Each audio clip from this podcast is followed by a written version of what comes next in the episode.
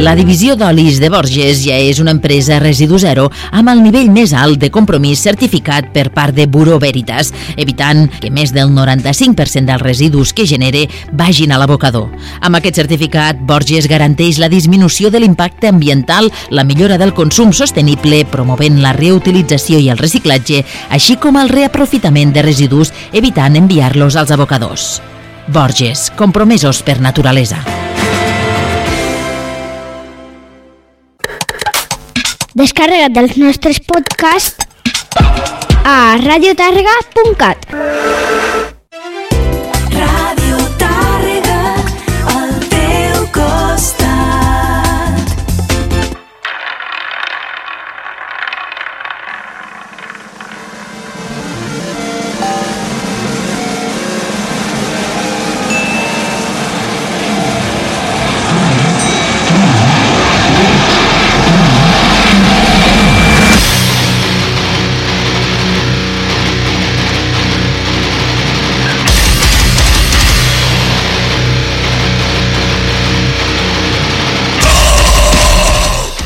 Bona nit, benvinguts valents i valentes, comença l'Ovalades i bueno, avui tenim un programa força interessant. I bueno, dir-vos que està sonant de fons els Ciroll que bueno, eh, el proper 9 de juny tindrem el primer àlbum en directe de la banda que es titula o s'anomenarà Directe del Camp amb 17 temes que crec que serà una passada. I desitjant tindre-la entre les mans per poder gaudir-lo i bé, eh, avui entrevistarem via telefònica al Manu, veu i guitarra dels Endernity, i tot gràcies a la Loki Sanger de Duque Producciones. Però abans d'això gaudirem d'algunes novetats. I avui comencem l'Ovalades amb el Sweet Rage, una banda procedent de Vizcaya eh, que barreja les melodies pop amb el metall. El passat 14 de març van editar el que és el seu primer treball discogràfic, que porta per títol Aviam, un treball força interessant que ens l'han fet arribar els nostres amics de Maldito Records i del qual escoltarem el tema Cobre aquest àlbum i que porta per títol Sua. Nire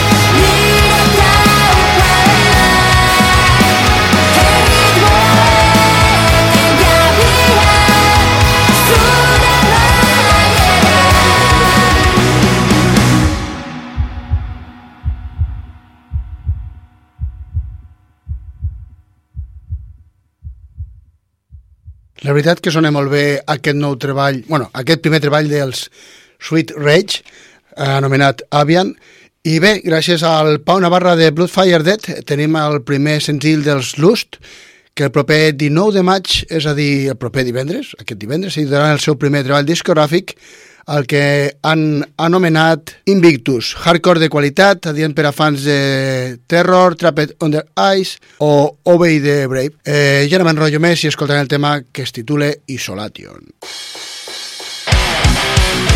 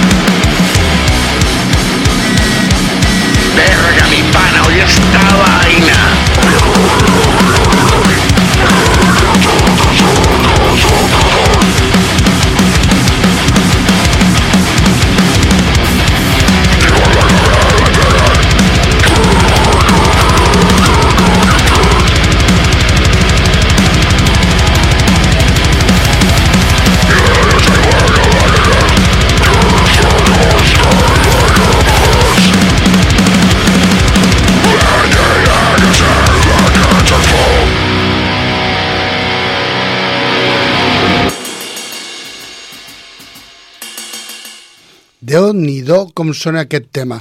Més endavant el tornarem a portar per ficar-vos un altre tema, ja que crec que l'àlbum val molt la pena.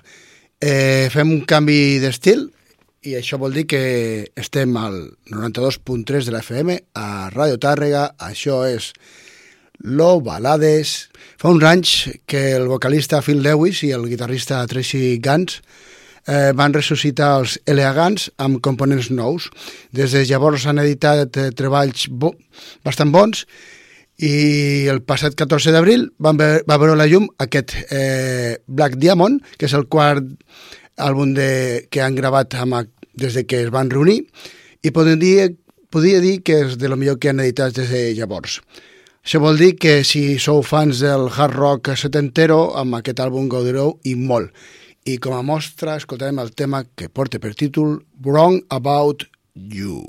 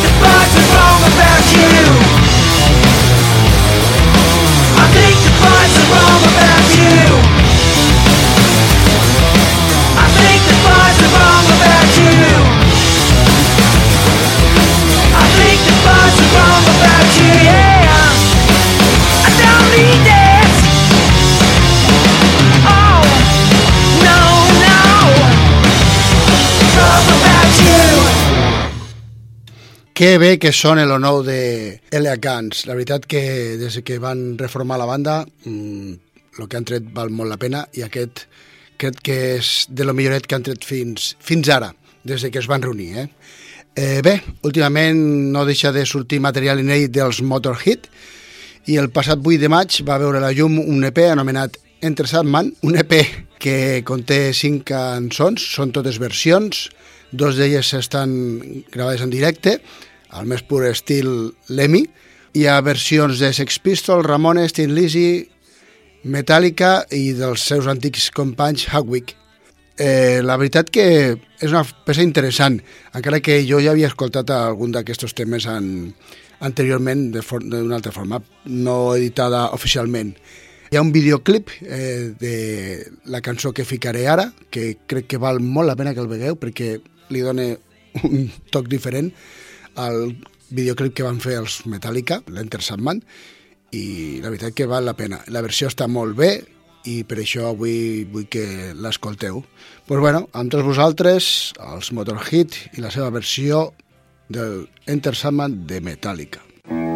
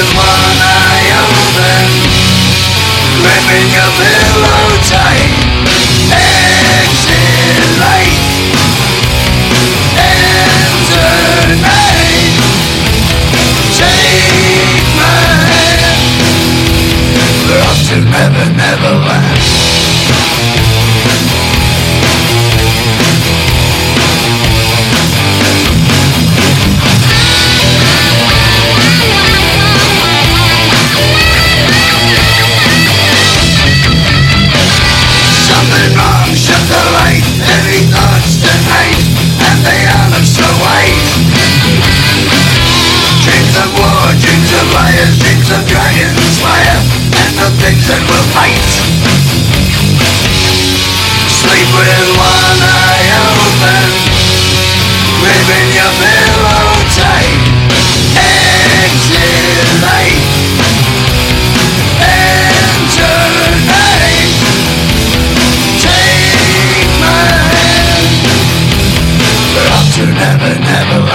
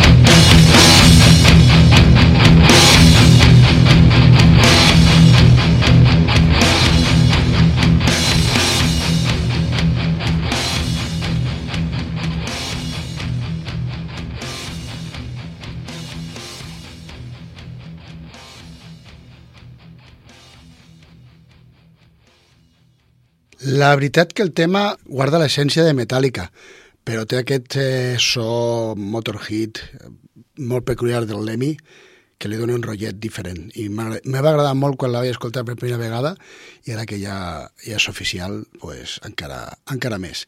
Ara sí, com ja sabeu, la Loki Sanger de Duque Producciones ens va fer arribar aquest segon treball dels Endernity, anomenat Flesh and Bone of Humanity, heavy metal molt potent, un treball que els ha d'obrir moltes portes, segur, ja que respecte al seu debut hi ha hagut una evolució en tots els sentits. En breus instants parlarem amb el Manu, però abans vull ficar-vos un altre tema d'aquest nou treball i la cançó que us he triat per escoltar es titula Godless Easter.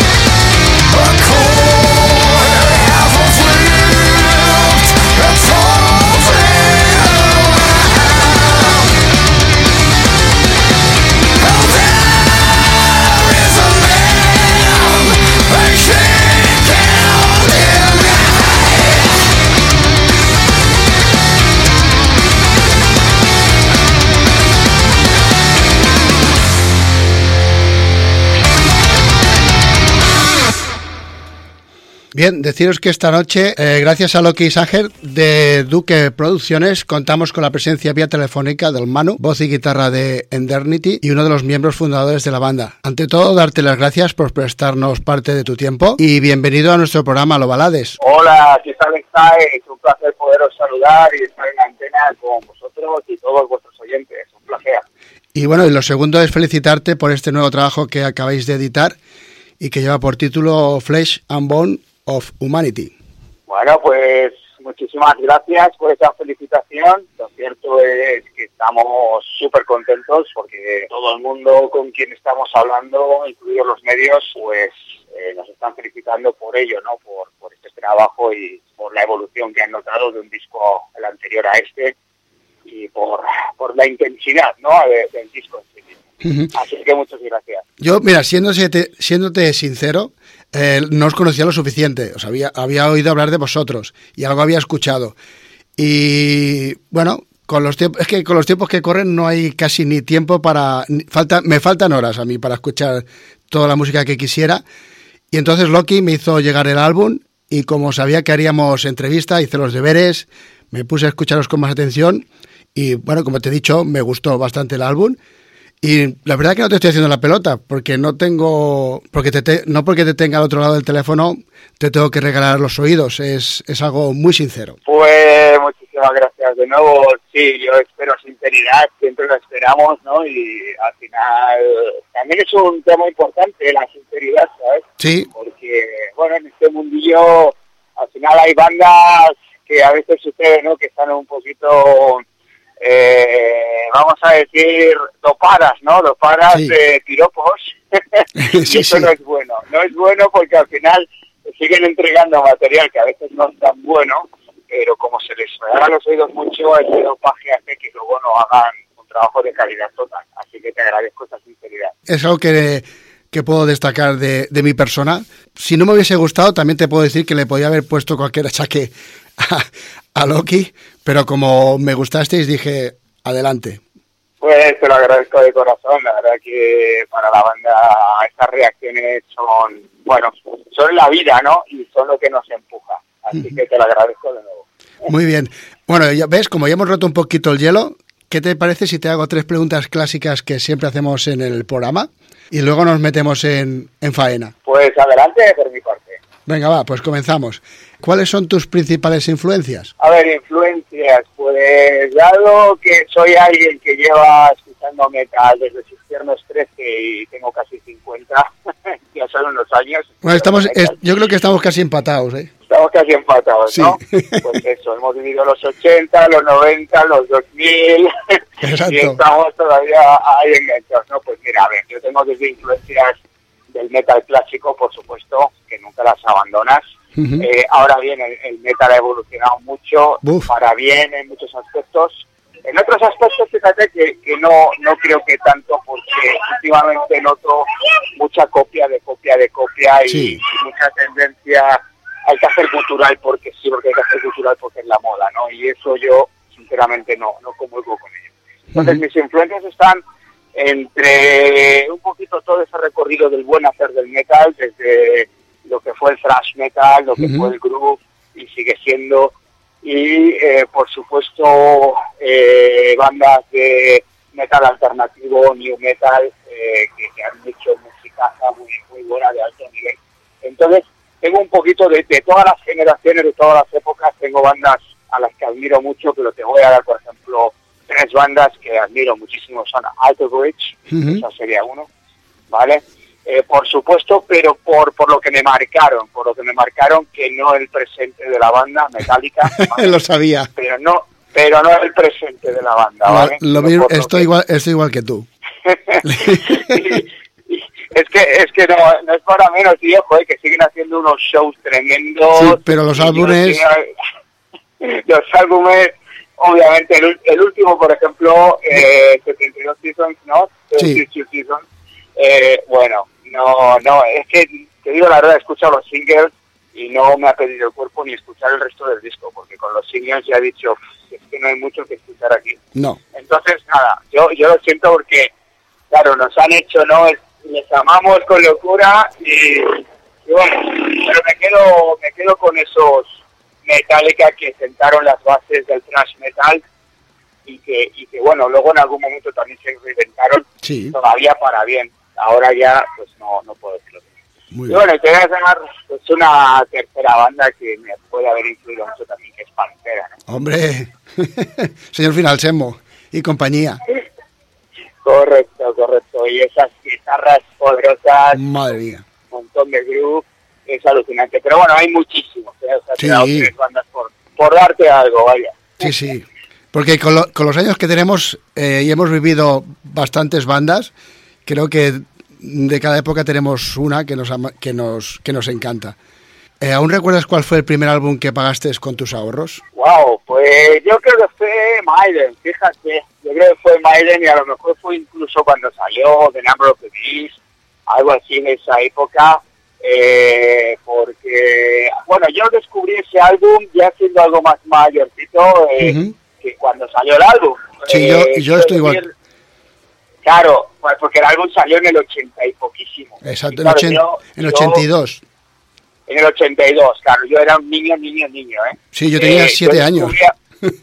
claro, pues estábamos casi a la par. Yo lo descubrí con 13 añitos, tenía yo 13, obviamente ese disco ya había salido hace unos cuantos años, ¿no? Pero creo que en cuanto lo descubrí, corría a la tienda y me lo compré, ¿sabes? O sea, que puede ser, si no fue ese, le faltó poco, pero posiblemente sí, porque recuerdo comprármelo con mis ahorros y, y con 13 añitos, ¿sabes? ¿Y cuál fue y cuál ha sido tu última adquisición? Mi última adquisición pues ha sido de, de una banda emergente, que son mis compañeros de filas, Buriality, se llaman Buriality, pero bueno, todo el mundo les llama Buriality, y ha sido mi, mi última adquisición, pues porque me ha gustado el EP que han hecho, y bueno, pues ahí, ahí hay que apoyar a las bandas emergentes, ¿no? Exacto, que si no, eh, la cosa está muy cruda. Sí, aparte de que me ha gustado muchísimo, por, eso, por eso lo he adquirido, claro. Pues tomo nota. Y bueno, ahora que ya hemos, eh, hemos roto el hielo ¿eh? y ya estamos así, ya podemos entrar en materia. Lo primero que quisiera saber es cómo y cuándo nació Endernity. Pues mira, Indemnity se empezó a fraguar en el 2019, Ujú. eh, pues como banda, eh, inicialmente sin ninguna intención de, de liarnos mucho, ¿sabes? Es decir, queríamos desfogar. Yo al menos que llevo en la música, como te he dicho, todos esos años, pero es que también llevo todos esos años pues tocando y recuerdo con 16 años ya formé una banda, pues imagínate, ¿no? O sea, todo- toda la vida en la música, ¿no?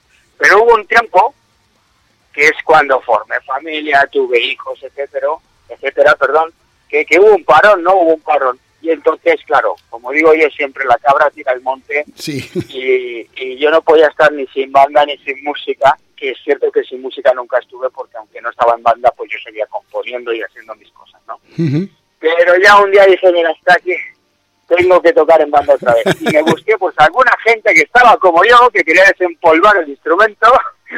Y, y- y la primera pretensión, fíjate tú, que, que inocentes éramos, era hacernos unas versiones de Escobar y ya está, ni siquiera tocar en directo, ¿sabes? Vale. Ni siquiera teníamos eso en mente. Claro, se complicó cuando les enseñé un poco de material que yo había ido componiendo.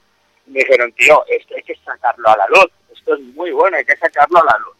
Me comieron el coco y empezó y empezó la cosa a crecer. Eh, en ese momento no éramos ni en, ni en Darlit, éramos una banda que nos pusimos un nombre simpático y, y no tenía nada que ver con, con Endernity. Básicamente nos pusimos Body Crew.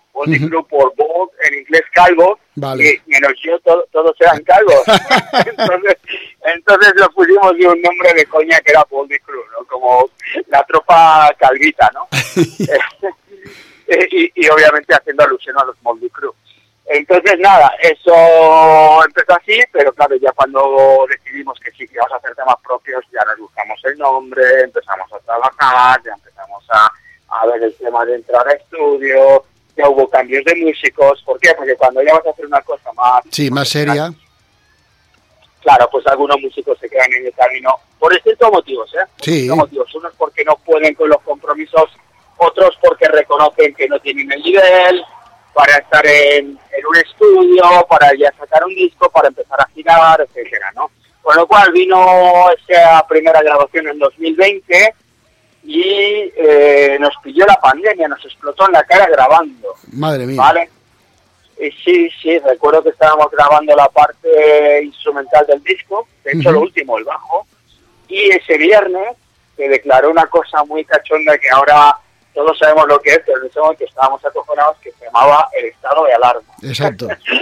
¿Te acuerdas? Nadie, nadie habíamos escuchado esto, No. el estado de alarma. Entonces se declaró el día que terminaba en Eternity de grabar el bajo y sin grabar las voces nos fuimos a nuestra casita a encerrarnos. Madre mía. Así que aquí empezó y luego, bueno, pues meses después ya pudimos grabar voces del disco, etcétera. Y bueno, pues ahí parimos a nuestra primera criatura, Disbaptist Innocent, y bueno, pues como se pudo, con pandemia incluida, eh, con fases que si ahora permitían más, que si luego permitieron conciertos con un número limitado de gente y mascarilla, que si sentados, pues empezamos a hacer algunos conciertos eh, de esa manera, tan limitada, no era la mejor manera No. de empezar, pero era algo. Y, y bueno, luego ya el resto de la historia pues ya te la puedes imaginar, ya empezó la cosa a normalizarse y a- afortunadamente nuestro segundo disco, Flexion Bone of Humanity, ya se ha parido desde una normalidad Exacto. y, y- y, bueno, lo agradecemos mucho porque parece que estamos pillando el ritmo e incluso las cosas que no pudimos hacer en ese momento, pues parece que nos estamos ahora desquitando y, y demás. Y claro, y ha seguido habiendo cambios de músicos también a, lo que es la formación de hoy. día. Ujú. Bueno, yo te iba a preguntar, bueno, te iba a comentar pues que desde que editarais Distruped Innocence, vuestro álbum de debut, eh, yo con este último trabajo he notado una evolución en vuestro sonido. Instrumentalmente os noto mucho más contundentes y tu voz suena algo diferente. ¿Cómo lo veis vosotros? Sí, sí, eh, yo creo que lo que estás notando y nota todo el mundo básicamente eh, obedece a varias cosas, ¿no? De un lado, en el tema compositivo, en el primer disco, eh, Rodri Arias no estaba componiendo, pero sí llegó, llegó como músico de estudio y Vale. estuvo grabando guitarras en el estudio ya con el Yarmity, Ujú. pero no era el Yarmity, llegó como músico de estudio. Vale. ¿Qué pasó? Que le gustó mucho el proyecto, le gustó mucho el equipo humano y se quiso quedar y nosotros encantados de que se quedara. Vale, te cuento esto por qué. Porque es cierto que en ese disco él no compuso más que un solo y unos arreglos, un par de arreglos, poco más. El Ujú. resto estaba ya compuesto. Y, y la realidad es que luego para Flash sí ha estado componiendo codo con codo conmigo Vale. y, y- y con Edu Brenes y demás. Y claro, se nota la diferencia abismalmente. Es decir, él es un músico súper profesional, es músico de carrera, viene del jazz, viene del blues, tiene unos conocimientos teóricos muy, muy avanzados con lo cual los ha puesto al servicio de la banda y todo lo que yo suelo componer, que suelo ser el principal compositor, pero luego ya trabajamos con el resto del equipo, pues él ha estado ahí codo con codo y al final pues ha salido una, una maravilla, ¿no? Guitarrísticamente no tiene ningún reproche el disco y lo digo por él, no por mí, lo digo porque él es una bestia parda en la guitarra y, y bueno, pues todo lo demás empuja, ¿no? Cuando trabajas, cuando trabajas con gente tan profesional, Sí. al final todos en la banda tienen que empujar y dar el máximo de sí mismos porque porque claro tú ves que la cosa va fuerte Entonces, Exacto. qué pasó con, con la con la voz pues que yo dije esto no si hay evolución en lo musical tiene que haber evolución en la voz también con lo cual ahí me tuviste compañero pues hasta, hasta dando clases, recibiendo clases en este caso, y hasta practicando hasta que hasta que terminaba sin voz un día y otro también, ¿sabes? Bueno, pero Y- ha valido la pena. Ha valido la pena, creo, sí, todo el mundo lo, lo está diciendo, la verdad que la voz es una de las cosas que llama mucho la atención de este disco también, Sí. y bueno, en, en este caso considero que efectivamente ha valido la pena. Bueno, y aparte es que ahora yo cuando me subo a ese escenario me siento mil veces más seguro que con el primer disco, lo tengo que reconocer, ¿sabes? Bueno, porque también el material es diferente y los músicos, igual que acompañan, te dan otra seguridad. Sí, sí, sí, eso totalmente, esa es otra de las diferencias, al, ir- al ir cambiando a músicos cada vez más profesionales, pues uno se sube al escenario y está seguro, está respaldado, ¿no? Esto es como ir a la guerra con soldados amateurs, soldados profesionales. Pues, Exacto. lo mismo. Te sientes más seguro, ¿no? Con gente profesional que gente aficionada que sabe que va a haber un fallo en cualquier momento, claro. Entonces, eh, con gente profesional, te ver muy respaldado. Entonces, ahora mismo es, es la realidad de Internet, que que es gente con mucho recorrido y, y muy profesional, con lo cual, vamos, cómodos, lo pasamos bien y, y sabemos que, que todo el mundo en la banda pues es muy solvente, ¿no? Y así la acogida del álbum, ¿qué tal está siendo? ¿Qué os comentan los La fans? Pues mira, la gente que nos conocía ya desde el primer disco, que ya tenemos, ¿no? Nuestra, Sí. nuestra pequeña, nuestra pequeña masa de fans. Fíjate la contradicción, pequeño y, y masa, ¿no? Pues ahí tenemos a nuestra pequeña masa de fans desde el primer disco y esa gente que son incondicionales ya desde el principio, bueno, son incondicionales hasta que hagamos un disco malo y nos manden a tomar por culo, Sí, claro. hasta que hagáis un Metallica. hasta que hagamos un Metallica y como no somos Metallica nosotros no nos saldrá bien. A la Metallica les sale bien, a nosotros no. Seguramente, supongo, ¿eh? Pero de momento, como los dos discos que hemos sacado eh, les ha encantado a esa gente, pues al contrario, no solo, no solo les hemos fidelizado desde el primer disco, sino que ahora cada vez eh, se siente más no los colores, ¿no? O sea, ya vemos gente que siente un poquito los colores de y que además sacan pecho porque son de los que dicen, yo es que les conozco desde el principio, ¿no? Entonces, bueno, pues tenemos ese, por un lado, ese tipo de gente que ya nos sigue y, y que ya son de la familia, porque para nosotros, pues ahora mismo todavía es otra ventaja que no tienes con Metallica, ¿no? Exacto. Que todavía podemos ser familia, somos Exacto. poquitos. Todavía podemos ser amigos y tomar una cerveza juntos. Eso es, cosa que hacemos cuando vamos de conciertos, la gente nos viene a saludar al Merchan y de verdad que ahí todo el mundo se lleva un abrazo como mínimo. Si quieren llevarse una camiseta de un disco, también, También. Pe- pero, pero un abrazo se lo llevan. Y, y eso, además, ese momento nos encanta. Y luego ha habido gente que ha llegado, pues claro, como, va- como pasa siempre, ¿no? No nos conocía con el primer disco, ni siquiera nos conocía, y ahora, pues, por lo que sea, eh, nos han conocido con el segundo, ¿no? Ya sea porque les han contado a otra gente, ya sea porque han tanto por, por un videoclip, ya sea porque han escuchado un programa de radio como el tuyo, lo que sea, ¿no? Y nos han conocido con el segundo. Y vemos que esa masa pequeñita, pues ya va siendo un poco más grandecita, ¿vale? Ya va siendo un poco más grandecita sin ser una cosa para preocuparse. Bueno, pero está bien.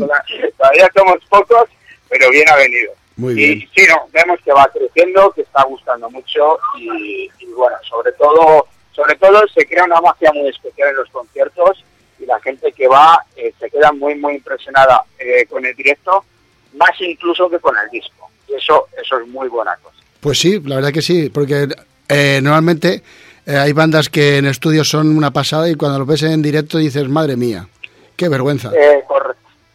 Correcto. Y es así, correcto. ¿eh? sin decir nombres ni hace falta nada, pero es verdad. Es así. Sí, sí, sí, sí. Sí, sí, y eso, y eso es una pena porque no poder defender, ya no digo de brillar, digo de poder defender Algo que tu has hecho. con dignidad, eso es, eso es un problema y te tienes que replantear las cosas como banda, en mi opinión. Sí, sí. Yo creo que. Pero, eh, sí, perdona. Yo no, que yo creo que igual, que es, es así. Sí, Te tienes que replantear lo que estás haciendo. Te tienes que replantear y ¿sabes qué pasa? Que creo que muchas bandas llevan un exceso de producción que luego defenderlo en directo es muy complicado, Sí. ¿sabes? Porque Pues, se pierde, claro, si tú- pierde la potencia. Claro, imagínate que en una canción te ha dado por meter seis guitarras, que nosotros lo hemos hecho, ¿eh? en una canción hay seis guitarras, pero en directo solo tienes dos. Sí. Claro, no lo tienes que defender muy bien para que no se echen de menos las otras cuatro, Exacto. ¿sabes? Eh, eso lo hemos hecho en una sola canción, ¿vale? No, no que no piense la audiencia que el disco está lleno de canciones con seis guitarras. Pero sí hay una que tiene, hay momentos de la canción que tiene hasta seis guitarras porque digamos que es una, una armonización, lo buscamos adrede, Ujú. que iba creciendo y en cada, en cada look, ¿no? Entraba una guitarra nueva y era un poco la, la idea de la canción, ¿no? Que en cada, que en cada look de la canción hubiera un detalle nuevo, ¿no? Ujú. Eh, pero bueno, ah, ese es un ejemplo que te doy. Claro, cuando vas con un exceso de producción, ya sean efectos, ya sean eh, instrumentos que luego en directo no están, ya sea que tienes unos solos arreglados y Exacto. que luego el solista no es capaz de ejecutar como, como en el disco, ¿no? Porque ahí están Exacto. arreglados, en el estudio están arreglados. Eso se nota mucho y es, y es un problema. ¿Y qué pasa? Que le crea inseguridad a la banda, entonces como está insegura no suena bien, como no suena bien no conecta con el público y al final el directo se convierte en algo mediocre o malo. Y una Pues pesadilla. Claro, a Indemnity eso eh, lo teníamos claro, porque somos músicos de hace mucho tiempo, y eh, yo te diría una cosa, nuestro directo eh, está impresionando más que el disco precisamente porque hemos trabajado en que eso suene como en el disco, Vale. y segundo, porque realmente lo damos todo en el directo, es decir, para nosotros no tiene sentido hacer un concierto si no es conectando con la gente y haciendo participar a la gente, y para eso tienes que hablar mucho con la gente, tocar para ellos, mirar conexión visual continua, eh, dar show, espectáculo, y eso, créeme, eso es un, es un tema que hay que cuidar mucho, Sí. las bandas tienen que cuidarlo mucho, y creemos que en Endemnity pues lo estamos haciendo y por eso están gustando nuestros directos. Eh, eh, te iba a comentar que el próximo 27 de mayo visitaréis Barcelona junto a Padre Cuervo. Es correcto. ¿A que sí? eh, no queda nada, es este fin de no al siguiente. Sí. eso es, 27. O- otros que también son, eh, son mancos también. sí, hombre, Padre Cuervo, eh, a- aparte que es que no sé si son dos o más de ellos, vienen de Nocturna. Sí, sí, y ya, ya, ya los ya entrevisté, ya, ya, ya los entrevisté. Sí, entonces son también músicos de toda la vida eh, y claro, pues obviamente eso suena francamente bien y su directo hasta donde yo sé, pues también, también, con lo cual recomendar que a la gente de Barcelona o el que esté por Barcelona este fin de semana, si quiere pasarlo bien, desde luego ahí tiene, tiene asegurado pasarlo bien porque nos vamos a dejar el alma en ello y, y estoy convencido y, y música de mucho no, Luego yo, también está otra tercera banda que Sí, exacto. yo no les conozco la verdad. Yo- Estaban- yo tampoco. No te voy a, no te voy a engañar. son de Barcelona, son de. Barcelona hasta donde yo sé, ¿vale? Y creo que están debutando, pero también están debutando y por lo que yo he visto no son no son una banda eh, de músicos nuevos, es Vale. una banda de músicos de toda la vida también que están debutando con un proyecto nuevo. Eh, entonces, con el- lo poquito que he escuchado suena muy bien y no he tenido tiempo, a ver si me da tiempo aquí al concierto a escucharles un poquito más y, y demás. Y el nombre, eh, no sabría decirte, igual se lo pronuncio mal porque es que se llaman Dix Skyne. Eh, es, Vale. es un poco es un poco raro, ¿eh? Sí. es un nombre un poco raro. No sabría yo, tengo pendiente preguntarles cómo se pronuncia. Sí, porque es un- la verdad que yo cuando vi el cartel digo, madre mía, yo no puedo ni pronunciarlo casi. es que han metido han metido como una X y una S Claro. Y no es una palabra en inglés eh, ¿Y cómo es- es como no- la No sabes cómo suena eso, entonces.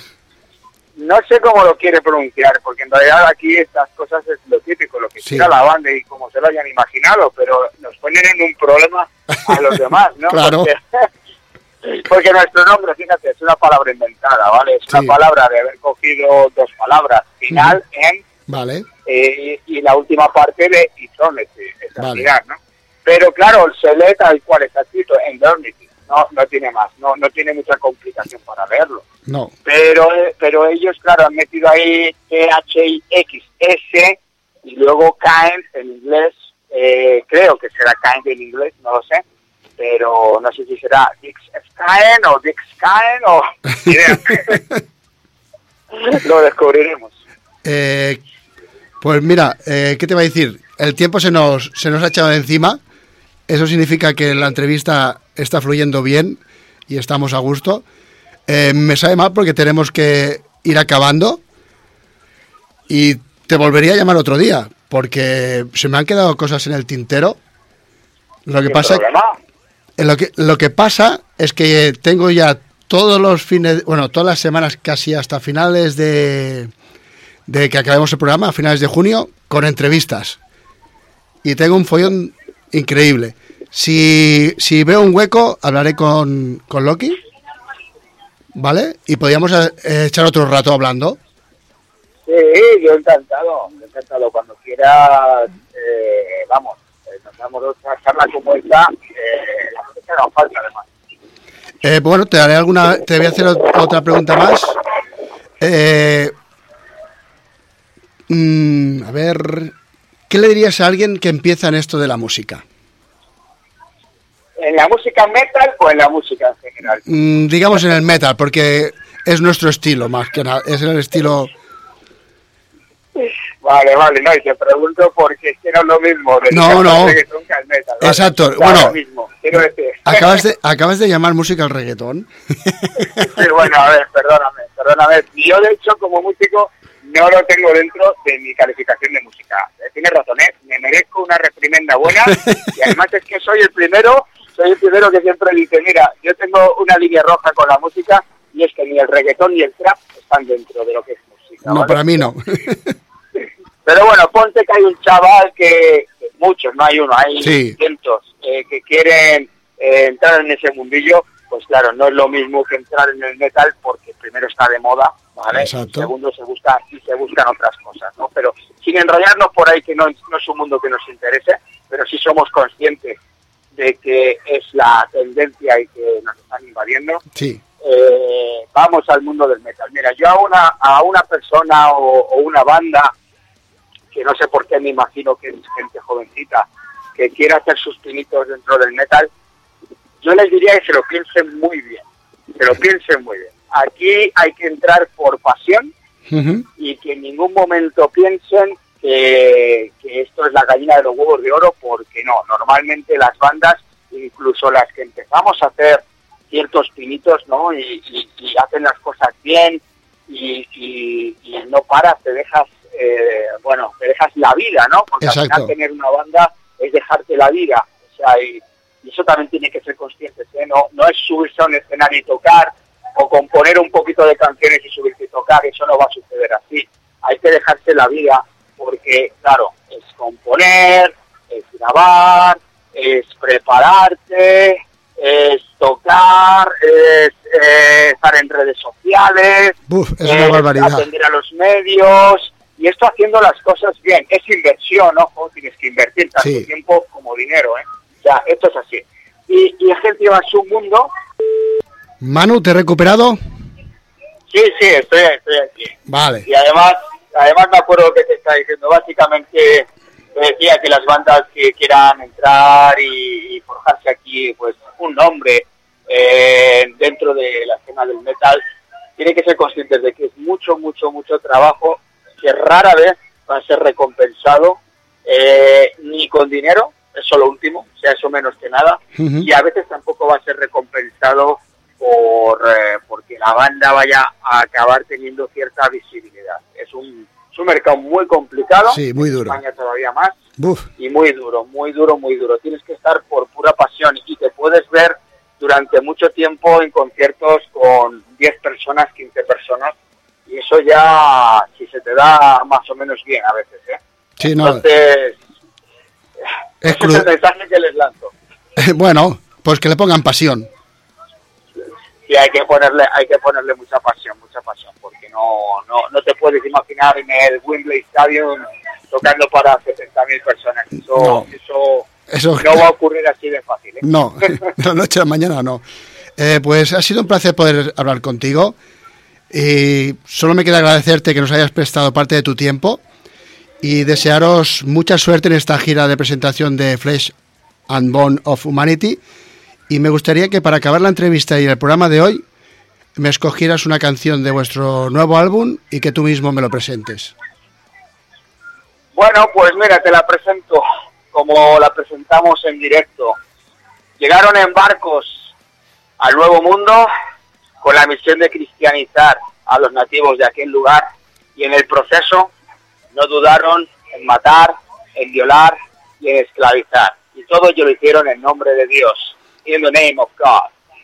Pues Manu, encantado y estaremos en contacto. Mucha suerte. Muchas gracias, muchas gracias, caballero. Un abrazo. Igualmente, Chao. nos vemos. Chao.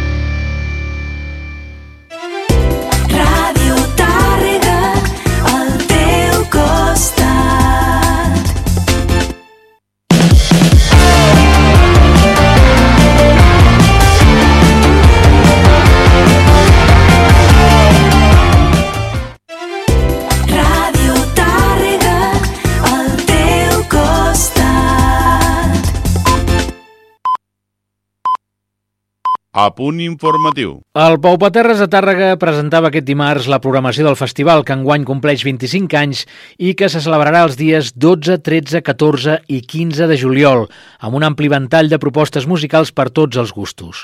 Maria Almar Bonet, Stay Homes, The Tiets, eh, Lil Dami, El Pot Petit o Els Catarres són alguns dels caps de cartell d'un dels festivals de referència de Catalunya, que continua creixent i que dona el tret de sortida dels certàmens musicals d'estiu de la zona, amb l'assistència de milers d'espectadors any rere any. En l'acte de presentació, l'Associació Cultural Pau Paterres i la Regidoria de Cultura de Tàrrega destacaven el nivell del cartell i valoraven el Pau Paterres com un dels motors culturals del territori, ja que enguany compta amb més de la meitat de la programació formada per artistes o grups musicals de la província de Lleida.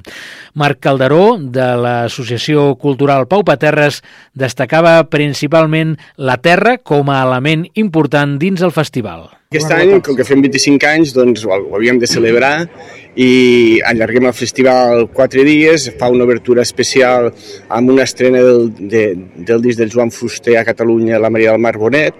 És un acte que Pau Paterres regala a la ciutat de Tàrrega, serà un acte gratuït a la plaça Major, a l'església de Santa Maria de l'Alba, i com que som un festival de proximitat, un festival que creiem molt amb la terra, doncs ho farem també amb un tas de vins de, de la Vall del Corp i veient el concert de Maria Mar Bonet i del grup local també de folk, que és la Berta. Pel Paterra sí que marxem una mica el que seria aquests macrofestivals, els objectius que tenen, no? aquests festivals que veiem per la costa, per Barcelona, sí que a nosaltres ens agrada que sigui un festival accessible, que sigui un festival per tothom, que tothom pugui ac- accedir en família al festival, que, no, que el factor econòmic no sigui un impediment per poder veure els grups de referència, això és un dels objectius que tenim a l'entitat, i per això a través del voluntariat, de les aportacions de les administracions, del nostre patrocinador, doncs eh, aconseguim que, que fer aquest inclusiu aquest, aquest festival. Sota el lema Un altre pell i amb el llargandaix com a nou emblema distintiu, el festival vol donar relleu als valors de la gent d'aquesta terra per la seva capacitat de resiliència i adaptació en qualsevol situació, un fet que el Pau Paterres ha demostrat durant 25 anys d'existència i la seva reformulació per mantenir-se a peu de cartellera de festivals musicals del país. Augmenten, com deia Calderó, els dies de programació. Una de les novetats més destacades és que el certamen amplia excepcionalment la seva programació amb motiu del 25è aniversari. El dimecres 12 de juliol, Maria del Mar Bonet inaugurarà el festival amb un concert gratuït a la plaça Major de Tàrrega. A més de 50 anys sobre els escenaris, la cantautora mallorquina actuarà conjuntament amb el músic valencià Borja Penalba, presentant una proposta molt singular. L'acte comptarà, a més, amb un tas de vins de proximitat. Serà un cartell, el del festival, per tots els gustos i tendències. El divendres 14 i el dissabte 15 de juliol, l'activitat es concentrarà al càmping municipal Espai Felip Rubinat, amb una oferta molt àmplia i variada. L'Eva Balcells, també de l'organització del Pau Paterres, parlava dels caps de cartell del festival d'enguany. Comptarem amb el um, Stay Homes, que serà el primer cop que aterre a Tàrrega i està dins la gira que fan a Catalunya només 10 concerts amb tot Catalunya i un ens fa especial il·lusió que sigui amb motiu del 25è aniversari del, del Pau Paterres. Repeteix també l'Il Dami, que ens va acompanyar l'any 2019 amb una... Bueno, era el, la gran sorpresa que va, va fer aquell any, ara ja torna com, com una figura consolidada de la música en català. Tindrem els Tiets, també banda que, que està funcionant molt bé ara mateix, amb el seu coti per coti. Els Catarres també repeteixen, van venir quan començaven els Catarres i repeteixen també com hi ha un, una banda superconsolidada a casa nostra. Per la seva banda, el regidor de Cultura de l'Ajuntament de Tàrrega, Carlos Vilchez, també destacava la importància d'aquests 25 anys de Pau Paterres a Tàrrega. Molt contents doncs, d'haver arribat amb aquests 25 anys, que també ha costat, evidentment, com totes aquestes eh, celebracions no? i tants anys i enguany aquesta celebració especial conté també un, un, un concert en dimecres justament amb una cap de cartell molt important i destacada no? arreu de, de, dels països catalans A la presentació d'aquest dimarts també hi participava Albert Turull, director dels Serveis Territorials de Cultura de la Generalitat de Catalunya, que afirmava que l'administració catalana està al costat d'un festival referent a Ponent. Considerem que aquest és el, és el més important dels festivals de- de- d'aquest format, no? de, de música, de música actual a les Terres de Lleida. Hi ha molts, molts festivals a l'estiu, com sabeu, a la costa, n'hi ha d'importants també al Pirineu, però el que és les terres d'interior, les terres de Lleida, el Pau Paterres, en 25 anys, podem considerar que està molt consolidat i per tant hi hem de donar tot el suport possible, sí, sí. Una de les novetats eh, del Festival Pau Paterres d'aquest any és el Pau Patrap, un nou concurs de trap en català. El Pau Paterres innova enguany amb la creació del Pau Patrap, el primer concurs de trap en català de les Terres de Lleida. En els darrers anys, aquesta tendència de música